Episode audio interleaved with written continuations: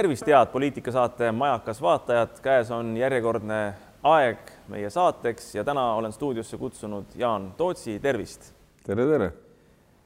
möödas on paar päeva suurest juubelist, kolmkümmend aastat Eesti taasiseseisvumisest, kahekümnes august tuhat üheksasada üheksakümmend üks, kui see toimus. kas sul on midagi sellest ajast meenutada? noh, väga palju meenutada ja ja eks ma olin nende sündmuste väga-väga-väga ligidal ja väga suures keerises. tegelikult ju äh, meie jaoks hakkas niinimetatud revolutsioon pihta viisteist mai tuhat üheksasada üheksakümmend, kui intrid Toompead ründasid. et ka sellest ajast äh, olin ma selles mängus sees ja paari sõnaga seda nii palju küll lämmutatud, aga paari sõnaga mul on hea meel, et et see üheksakümmend kuni üheksakümmend üks Eestis taasiseseisvumise eh, nagu taastamise alustamine kõik on veretult läinud, et kahjuks ei läinud nii hästi ei Leedul, ei Lätil.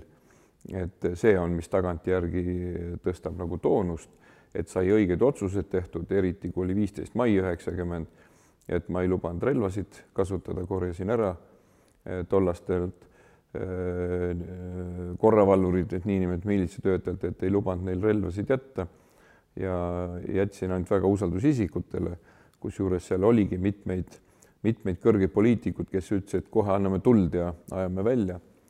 ja kui me jõuame nüüd selleni, mis üleeile oli, et meil on nüüd siis kolmkümmend aastat taasiseseisvunud Eestit, et tegelikult äh, see olukord, et ilma vere valamata kõik juhtus, on, on meie, ütleme, äh, meie poliitikute ja, ja ka ikkagi Moskva, Moskva poliitikute töövõit, kes lahendasid selle Butši olukorra eh, ikkagi rahulikult. kusjuures, kui tagantjärgi on seda arutatud, miks see Butš läbi kukkus Moskvas, eh, siis minul on selle peale kogu aeg oma mõte olnud, et see oligi üks mingi mäng, kui nad ikka tõsiselt oleks tahtnud midagi ära keerata tollases militaarses riigis, see oleks toimunud, kuna seal olid ju relvajõudude osad esindajad. aga aga eks sellest ajalugu veel kirjutab, kuidas see Gorbatšov Moskvasse tuli ja äh, teda keegi ei rünnanud ja tuli äh, mitte suure armee kaitse arvel, vaid kolm-neli ihukaitset sõitis Kremlisse, justkui kõik lahenes, kõik lahenes kahe päevaga. et see nüüd tõsiseltvõetav ei ole. eriti see, kui ma äh, üheksateistkümnendal augustil sõitsin sellele sõjaväekolonnile vastu Koseristile. et ka sellest on paar korda räägitud et siis alampolkovnik, kes selle kolonni eesotsas oli, ega tema ei teadnud, et on riigipööre või, või, või mingi riigipööre katse.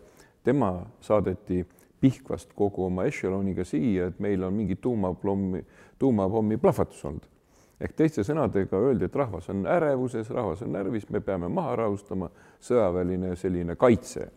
nii et igale väeliigile räägiti oma jutt, tõtt ei teadnud nad keegi, ehk teiste sõnadega meil vedas aga sinu hinnangul, keda siis rohkem tänada tuleks, et ametlik ajalugu on see, et eh, me laulsime ennast vabaks, noh, võib-olla oleks võinud natukene veel laulda, oleks Petserimaa ka vabaks laulnud ja Narva tagused alad. Või siis eh, on rohkem käsimängus, ütleme Moskval, kes sisuliselt andis vabaks Eesti? ei no ikka Eesti vabaks laulmine teed, sealt hakkaski tuhat üheksasada kaheksakümmend kaheksa ja ja ma kordan ka neid nimesid, kelle me peame ikka siiani tänulikud olema. Eh, mina olin kaasas Arnold Rüütliga, kui käis Moskvas poliitbüroo istungil, eh, kus, kus ta uksest sisse minnes, kuhu mind enam ei lastud büroosaali, ütleski, et Jaan, et kui ma nüüd ära kaon, siis sa tead, kus ma ära kadusin. et need olid sellised ajad, et see ei olnudki naljaga öeldud. ja, ja, ja Kasahhi tollane president Nazarbajev, ta oli siis esimene sekretär veel ja büroo liige, tema oli üks mees, kes siis ütles, et et Arnold Rüütlit tuleb toetada, et väike, väike vabariik las siis proovivad, kuna Nõukogude konstitutsioonis oli sees, et vabatahtlikult astutakse vabatahtlikult välja, mis muidugi oli rohkem nagu anekdootide vallast väljaastumine. ja nii, et Arnold Rüütli selline stabiilne rahulikkus ja järjekindlus oli meil üks võti, kindlasti ei saa minna mööda Edgar Savisaarest, kes, kes jälle noorusliku entusiasmi ja hulljulgusega tegutses ja kolmas mees, kes ikkagi Eesti ilma vere valamata äh, jättis, oli tollane KGB ülem Rein Siller, eestimeelne mees. ta vahetati KGB ülemaks Eestis suht, suht enne neid revolutsioonilisi samme ja, ja see, et tema ikkagi ei andnud mingeid käske jõuga midagi takistada, on ka üks see, mis meist päästis Läti ja Leedust. nii et need, see rida kõik kokku ja loomulikult siis, kui tuli see üheksakümmend üks, kui ei olnud Moskva putši oleks olnud, ma arvan, me oleks ikkagi, ikkagi vabaks, vabaks mänginud ennast. küsimus on siis, kui, kui ruttu. nojah, nii et küsimus ongi selles või ühesõnaga lõpptulemus, et õiged mehed olid õigel ajal ja õiges kohas ja tegid õiges järjekorras neid tegusid, mida nad tegid. noh, nii siin meil kui, kui ka tegelikult Moskvas. on, on ja ka nüüd alles tuli hiljaaegu üks film välja Ülo Nugisest paljud mõtlesid, no mis ikka see haamrilöök oli ja sellest, miks seda nii palju ketrata. tegelikult selle haamrilöögi taga oli tal terve päev suur töö, ta käis rahvasaadikute vahet, veenis neid, rääkis nendega, tal oli see veenmisvõime, see on ka selle filmi üks mõtetest, et see haamrilöök kakskümmend kolm null kolm oli lõppfaas, aga oleks võinud tulla sinna ka nelikümmend seitse häält ja see ei oleks olnud see kuuskümmend seitse. nii et äh, kuuskümmend üheksa, et, et igal inimesel oma karismaga ja sellise rahuliku veenmisvõimuga, igalühel on oma, oma etapp siin Eesti vabastuses olnud. no niimoodi ta on. aga sa mäletad seda tolleaegset vaimu, kas sellest vaimust on midagi järgi jäänud ka tänasesse poliitikasse kolmkümmend aastat hiljem? Kui me räägime, läheme vaikselt poliitikasse räägiks üldse seda juhtimist riigis ja ja, ja praegu käib ju selline no ütleme naljanumber presidendivalimise ümber. Tegelikult eh, rahvas on tüdinud sellest, on ju ammu räägitud, et rahvas võiks presidenti otse valida ja ma arvan, nüüd eh, kaks tuhat kuusteist ebaõnnestumine ja, ja nüüd siis kaks tuhat kakskümmend üks. ma arvan, et see lõpeb sellega, et kaks tuhat kakskümmend kuus president valitakse otse. ma selle rohkem ei peatuks kuna ma olen olnud jah, valitsuses mm, riigi kõrgetel ametitel üheksakümmend, üheksakümmend üks, üheksakümmend kaks, kantslerina üheksakümmend viis kuni üheksakümmend seitse siseministeeriumis. ja kui ma vaatan tollast äh, riigi juhtkonda ja kes siis algul olid nagu ministrid ja kantslerid, siis tegelikult on suur vahe tänasega. täna on ikka see ülipolitiseerimine on väga kaugele läinud kui me räägime üheksakümnendate esimesi valitsusi, siis püüti ikkagi valitsusse saada inimesi, kes selle ala, ala tundsid, riskiti noorematega. aga mis oli kindel, et kui ministrid olid poliitikud, siis kantslerid olid alt üles kasvanud eh, kõrged riigiametnikud, mida täna kahjuks enam ei ole. et täna vaatame ministeeriume, meil on isegi selliseid unikaalseid kantslereid, kes on mitmes ministeeriumis siis kui ma vaatan siin Soomet ja Rootsit, siis sellist asja nüüd küll ei ole. poliitikud jah, igas riigis on oma seisukoht, kas siis on meil ülipolitiseeritud, et üks minister võib näiteks nelja ministeeriumit juhtida. see on ainult võimalik sel juhul, kui igas ministeeriumis on kantsler, asekantslerid ja osakondade juhatajad alt üles kasvanud, kes on üdini spetsialistid. ja lõpeks see siis nii, nagu on Inglise suur sari Yes Minister Äh, kus siis nagu visatakse küll nalja, et minister suurt ei jaga, aga kantsler siis suunab seda ministeeriumi tööd. Äh, meil on nüüd äh, kõik poliitikuks läinud, et sellest on kahju. Ja, ja ega siis ministeeriumi juhtimine ei ole naljaasi, tegelikult peaks olema sügavalt, sügavalt spetsialistid, kes seda asja juhivad, kas siis kantsleri tasandil või ministri tasandil. nojah, vaata, et Eesti, Eesti Vabariigi alguses olid Nõukogude ajast tulnud need poliitikud ja selles mõttes oli õige, et ega nõukogude ajal poliitikuks ka ju kasvatati, olid koolid, eks ole, koolitati välja parteiliinis ja samas ega ei võetud päris poisikest, pandi ikkagi need inimesed, kes selles valdkonnas olid reaalselt tegutsenud. jah, vaata, ma olen selle, selle ajaga hästi kursis, et siis oli niimoodi, ega siis poliitikuid ei pandud ministriteks. poliitikud läksid keskkomiteesse ja neid õpetati jah, Moskvas ja igal pool välja ja nemad olid siis see poliitiline juhtimine ja tegelikult oligi ega siis tööstusala ministrid, kes tänaseni on ju väga paljud elus, siin ma toon näiteid, on härra Kraft, kes oli kergetööstusminister, kes oli mitme ettevõtte direktor ennem olnud, ta on täna ilusti tugevas tervises veel, kuigi kõrges eas. ka tema mitu korda ütlenud, et sel ajal ministriks kasvati alt ülesse igas liinis. Ja töö, ütleme põllumajanduses oli põllumajandusmehed, kui oli tööstusminister, oli ta siis lihapiimatööstus, oli ta metsatööstus, oli ta kergetööstus, kõik olid alt üles kasvanud, aga poliitikat tegi Keskkomitee ja tema andis poliitilise suuna. kui meie nei, vaatame seda, et meil on poliitika, siis see, et poliitik on minister, kes annab suuna ja ma tulen selle juurde tagasi, siis peaks olema kantsler ja kogu see seltskond väga rängalt alt üles kasvanud.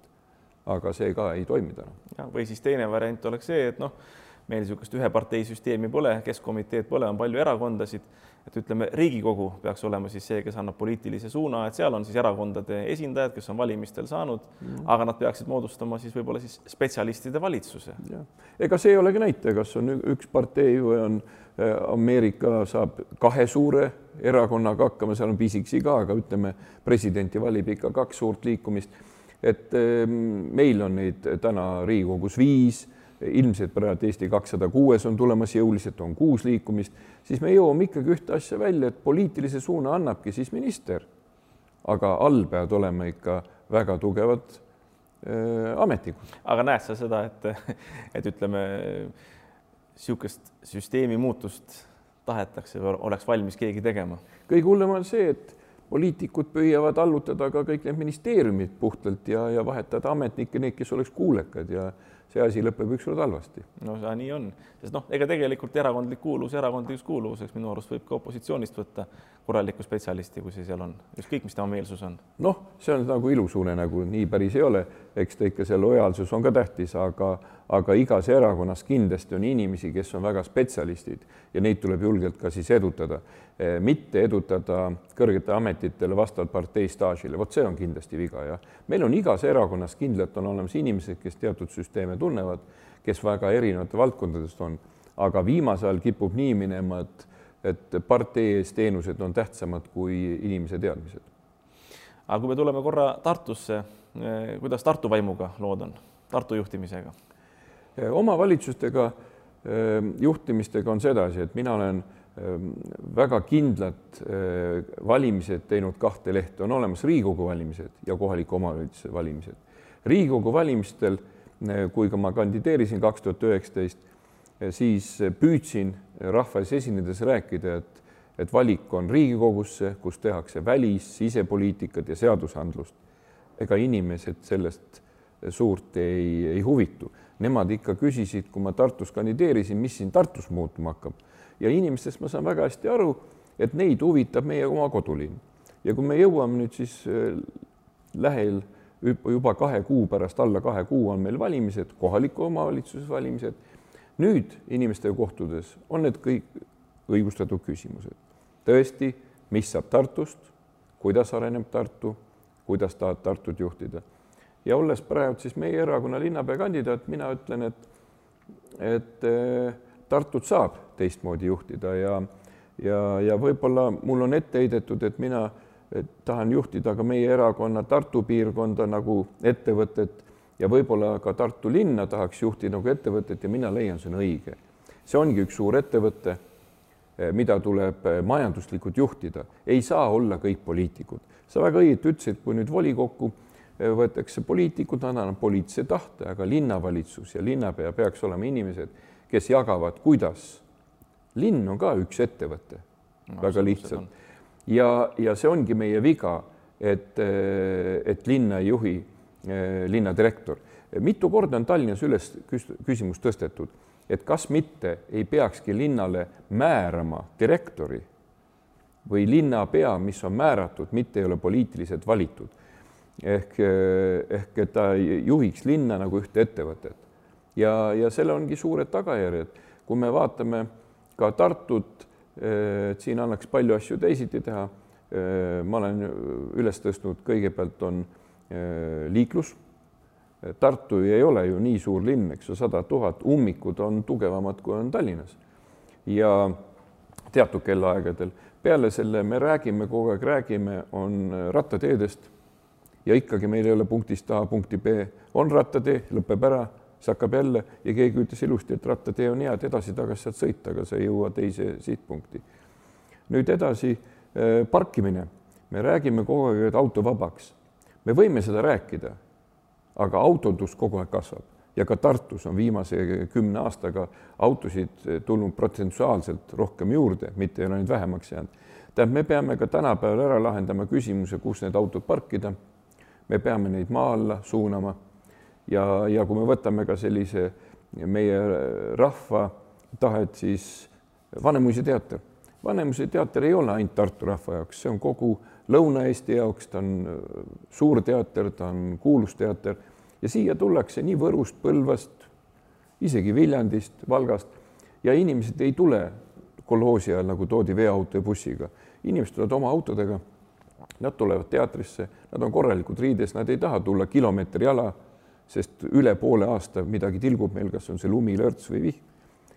väga palju lahendusi ja ma olen toonud kohe konkreetselt ka lahendused, kuidas, kuidas Vanemuise ees, kui langev muruplats, teha sinna kahekordne parkla muru silmapiiri kõrguse tõsta.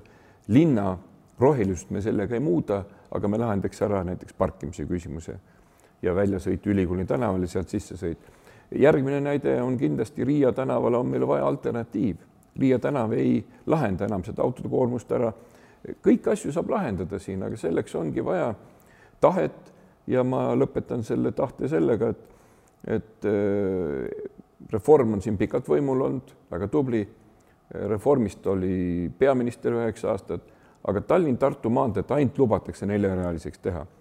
Ehm, ringtee viadukti, no sellest on jutt olnud minu meelest siis, kui Eesti vabaks sai. ja nüüd ükskõik, mida me ei kiru Keskerakonda, vähemalt praegult majandusminister ja Jüri Ratase valitsus võttis otsused ja te näete, viadukt, ehitus käib, lõpeb eh, pooleteist aastaga ära edasi Arkna poole kaks ja kaks tee ehitus läks lahti. Eh, kahekümne viiendal aastal tehakse ära Põltsamaa ülesõit kakskümmend viis kuus, eh, mis lahendab kiirtee peal viiekümne märgi ära, mis oluliselt teeb kiiremaks Tallinn-Tartu teed nii bussi kui autodega ja hakatakse ehitama ka Otepää peale edasi lennujaamas kaks ja kaks. ehk need ongi näited, mida saab Tartu linnavalitsus, käies peale nii Tallinnas valitsusele kui Riigikogule, annab teha, annab teha midagi, et rahvas tunnetaks, et neil on linnas juhtkond. aga sa ütled väga ilusti, aga siin on mõned päevad tagasi sellel nädalal, kui siin oli Keskpargi selline, ma ei tea, vastane või kuidas seda öelda, üritus, kus ähm, opositsioonierakonnad, Tartu opositsioonierakonnad olid väljas, valimisliit Tartu eest ka oli väljas. Äh, tegin seal intervjuusid noh, kõikidega sai ilusti rääkida, nii inimestega kui erakondade valimisliidu esindajatega. Eh, juhtus mööda minema ka Tartu abilinnapea Mihkel Lees ja küsisin tema käest ka, no ta on mu vana tuttav tegelikult ja küsisin, et, eh, et kas annad ka väikese kommentaari, et räägid linnavalitsuse poole pealt, et eh, mis selle keskpargiga siis on ja mis plaanid ja ja, ja põhjused, miks siis niimoodi, eks ole. ja ütles, et noh, mine tee oma propagandat kuskil mujal Äh, niimoodi arrogantselt ja siis sõitis -hmm. minema sealt. aga see on ju üleüldine suhtumine, sellepärast et küsimus on selles, et ta ei rääkinud minuga kui Reformierakonna -hmm. esindaja, ta rääkis minuga kui abilinnapea, aga ma olen ka Tartu kodanik ja, ja ühesõnaga olgu ma ükskõik kes, aga mul on ka õigus ju saada äh, tema argumente ja teese, miks, miks ta niimoodi teeb. jah, mina jätaks selle praegu selle suure kasti siin oma pead uipima, aga ma tahaks rääkida põhimõtetest, et just see suhtumine. see nagu. on see koht, kus nüüd võiks küll linnarahva käest küsida. kui nii palju kirge on äh, see kultuurimaa üles tõstnud ja ma tean, kui ma käisin ka Riigikogu ees ja ka tollane valitsus kõik ütles, et see on Tartu kultuurirahva ainuke soov ja unistus. ja kui siis tollane äh, kultuuriminister äh, Tõnis Lukas, kes praegult on siis, kes on olnud Tartus linnapea, kes on olnud ERMi direktor, kes on meie koolipapa olnud Tartus ja ütles ka välja, et noh, sellist kultuurimaja nüüd meil küll vaja siia ei ole nii suurt ehk teiste sõnadega siis kõik ehmatasid ära, et ikka nagu ei olegi kogu selle kultuuri tahtmine. ja eriti huvitav oli härra Karise sõnavõtt, kes on täna ERMi direktor, kes on väga kõrgetel ametikohtadel olnud ja eriti ka riigikontrolör, kes teab, kuidas raha kasutatakse ja kuidas peab kasutama ja ütles ilusti, et kui tema kutsus ERMi linnavalitsuse töötajad, et tulge vaadake, et mul on siin tühjus, et siia annaks kõiki neid asju teha, siis linnavalitsus ütles, et kuule, me ei tule, et meil on see poliitiline otsus tehtud. vot see mind häirib et kui mingi poliitiline otsus ja seda jäigalt surutakse, küsimata rahvalt või kuulamata ära ametnikke ja eriti ERM, mis on üüratult suur kultuurikeskus ja mis on tühi. et see nagu segab. aga kuidas sina käituksid linnapeana? see tähendab seda, et näiteks on ka koalitsioon, oled koalitsioonis, juhid seda, tehakse mingi otsus mingi suure asja kohta, aga selgub, et rahvas on vastu, hakkab mingisugune, mingisugused hääled hakkavad tulema kuskilt kära. mina küsiks Tartu rahva käest, see ei ole üldse raske seda küsitlust teha, kui on nii printsipiaalne küsimus. eriti asi ei olegi nüüd selles kallis kultuurikeskuses, vaid kuhu ta tehakse. minu pärast, kui väga vaja on Tartus, teeme ta üle ja teeme kuhugile, ärme rikkume seda ilusat parki ära. kusjuures selle pargile eh, on mitu erakonda välja pakkunud eh, sihtotstarbelise kasutuse, et see tuleb korrastada, sinna läheb omakorda raha, aga see on palju väiksem raha, et teha sinna rullarada teha sinna väiksed sellised puhkemajakesed, kus saab siis kas nõu pidada, kus saad eh, memmed-taadid istuda, kui lapselapsed sinna mängima tuuakse. talvel ei pea tegema sellist suurt tsirkust, et teha Liuväli linnavalitsuse ette, vaid see võiks pargis olla. see võiks nii olla, et see kastetakse veega ja see tehakse sinna kivide vahele, mis on standardselt olemas. suvel rula, talvel uisutamine, me ei pea raha mõttetult raiskama Äh, ma arvan, et see oli väga suur raha, mis linnavalitsuse ees see jääväljak oli. jääväljak kindlasti, aga ta ei pea olema äh, linnavalitsuse maja ees. et selles mõttes äh, mina leian, et Tartut saab juhtida ka natukene teisiti. nii on väga hästi, nii et noh, siin on mitmed saatekülalised rääkinud seda, näiteks Anna Aljanaki üldplaneeringu menetlemisest et äh, rahvast peakski ka rohkem kaasama nendesse küsimustesse juba eos ja alguses. kuidas ja. sa suhtud sellesse? kas alati, aga eks rahva sõna on see, kui tulevad valimised, nemad valivad, nemad valivad siis oma saadikud volikokku ja volikogu tegelikult ju need eelarved kõik kinnitab ja see ongi poliitiline. aga alati, äh, kui on valitud siis ka linnapea ja linnavalitsus ja kui need oleks ikka spetsialistid, kes ikka jagavad majandust siis, siis see asi kindlasti näeks teine välja. meil kahjuks läheb väga tihti nii, et ka eh, linnavalitsusse pannakse ja ma ei lähe siit mööda ka enda erakonnast, et kui mind valiti siin juhatuse esimeheks, siis ma kutsusin eh, abilinnapea tagasi sellepärast, et tollane abilinnapea ei olnud rahanduse spetsialist, ei jaganud rahandust ja, ja sellest tehti suur kisa ja ma arvasin, et kui linnapea väga kaitses teda, et ta võtab siis ta omal edasi, siis ta viie minutiga loomulikult vallandati, sellepärast öeldi, et ei, ei, see on ju poliitika. mina ei leia, et linnavalitsus peab olema poliitika lõpuni välja. ei pea. et mina leian, kui poliitikud on volikogus, siis linnavalitsus peaks olema tegusad inimesed, kes oskaks linna juhtida nagu ettevõtet. linn ongi üks suur ettevõte, kogu oma murede, rõõmudega. nii on aga kui sina saaksid linnapeaks, koalitsioonikaaslane ütleb, et me paneme näitleja näiteks sotsiaalvaldkonda juhtima? tegelikult peaks olema, eh, seda ma olen ütelnud ka eh, valitsuses peaks olema vetoõigus.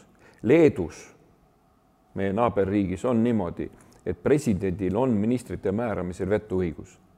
Nad ei ütle, kes peab saama, aga kui erakond toob, tal on vetoõigus, seda ei pane, seda ei pane, nii kaua, kui ta näeb ka et, äh, et Tuuakse tuleb sobilik ja mina leian ka, meil peaks nii olema, kui on koalitsioonivalitsuses, jah, kohad jaotatakse ära, iga erakond toob oma ministri.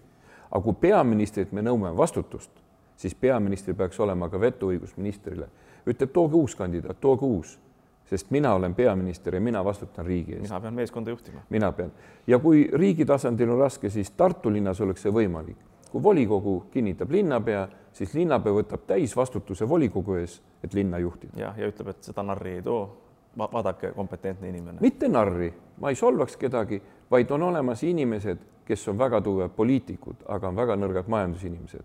aga linna peab juhtima majandust teades, kultuuriinimene kultuuri teades, aga ka kogemused, kogemused ja veel kord kogemused aga nüüd edasi, eh, kui me räägime uuesti riigipoliitikast, noh, me siin rääkisime juhtimisest, et seda oleks vaja muuta. ikkagi seesama asi ka Tartu tasandil, riigi tasandil, et eh, spetsialistid peaksid juhtima eh, ministeeriume, linnaameteid, olema abilinnapead. aga selleks, et nüüd meie riik järgmised kolmkümmend aastat vastu peaks, mida oleks veel vaja muuta või mida oleks veel vaja kindlustada? mina arvan, et minu unistus on see, et ega siis valitsus jääb ikka poliitiliseks, aga veel kord ütlen, et ka igas erakonnas leidub inimesi, kes on mingi eriala spetsialistid ja neid tuleks rohkem edutada, mitte partei staaži ja, ja, ja nägemuse järgi, vaid, vaid selle järgi, kes mingit süsteemi tunneb. et see, ma arvan, on, mis on ka juba rahva seast kostuv, kui ma käin ka praegu valimisdebatte tegemas, juba alustanud, siis ka siis ka mitu küsimust on sellele, kuidas ma suhtun sellesse, et ministrid ei ole kompetentsed. et ega siis ütleme, et kõige suurem võim on rahval ja rahvas ei ole rumal. ei ole. rahvas ei ole rumal. peetakse, aga ei ole. ei ole rahvas rumal ja, ja, ja, ja see ongi lühine vastus, et tegelikult rohkem me peame tegevjuhtideks saama spetsialiste, siis läheb kõik korda. ega siis meie see üldpoliitika on Eestis ju korras olnud kõik. Jah, nii on. aga eh, mõned vastuhääled, mis on kajanud, no ütleme näiteks ka sinu isiku kohta, no öeldakse seda, et endine ment, eks ole ettevõtja, et eh, mis tema rahva huvides, mida sa nende, nendele ütleksid? ei no vaadake, see endine ment küll jah, ega siis eh, politsei ja ma olen taastanud Eesti riigi politsei alguses olnud, Eesti eriteenistuse teinud sel ajal, kui veel KGB töötas. Ma olen ka seda ütelnud, et mul vedas, et mind seina ääre pandud. Me tegime Eesti eriteenistust üheksakümmend, kui me olime Nõukogude Liidu koosseisus ja oli KGB, kes muigasid, et noh, mis te lapsed siin mängite, mis asja aga oli näha, meil tuli tugev teenistus, siis hakati arvestama sellega. Eesti politsei algusaastad olid rasked, ka Eesti politsei loodi üheksakümmend üks, esimene märts, kui me olime veel Nõukogude Liidu koosseisus. ka, ka selle elluviimine oli riskidega seotud ja sealt tulid kogemused ja see, et ma olen juhtinud suuri ettevõtteid nagu Tallink, Tallinna Sadam, ma olen saanud rahvusvahelise kogemuse töötades Londonis ühe aasta nõunikuna ja olnud Riia sadamas viis aastat. Ehk teiste sõnadega, see on see kogum, juhtimise kogemus.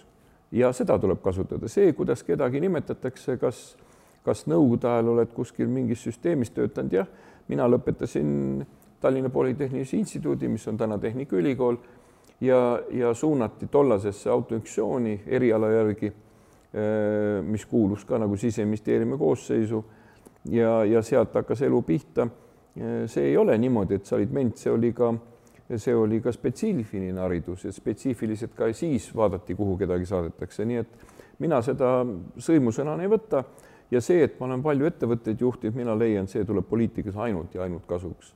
Sest ma ei kujuta ette, et noored poliitikud, kes on kahekümne viie, kolmekümne aastased, kes pole ühtegi ettevõtet, ma ei räägi juhtinud, vaid ka seal kaasa löönud ja tulevad kohe valitsusse ja hakkavad seda eriala juhtima. no see ei ole tõsiseltvõetav ei, ja jah. see ei ole ka neile kerge. ma hindan palju noori ministreid, kes on väga tublid ja kes kunagi kindlasti ongi väga tublid juhid, aga neil on omal ju halb, neil pole kogemust. jah. Saateaeg hakkab läbi saama, mida sa soovitad valijale sügisesteks valimisteks? Valida, valida oma südametunnistuse järgi ja valida inimesi, keda nad usaldavad, valida erakonda, keda nad usaldavad. Aga kohalikel omavalitsustel ma ütlen veel kord, et, et Riigikogu valimistel me valime riigi poliitikat, inimesi, kes teevad seadusandlust ja välispoliitikat, kohalikes omavalitsustes me valime Tartule tegelikult juhtkonda, kes Tartut juhiks ja mina juhiks Tartut nagu suurt ettevõtet, et see ettevõte oleks hästi juhitud, et rahval oleks sellest tulu, kasu ja nad näeks, et Tartu õitseb. suur tänu nende mõtete eest. aitäh lõpetame seekord saate ja kohtume juba nädala aja pärast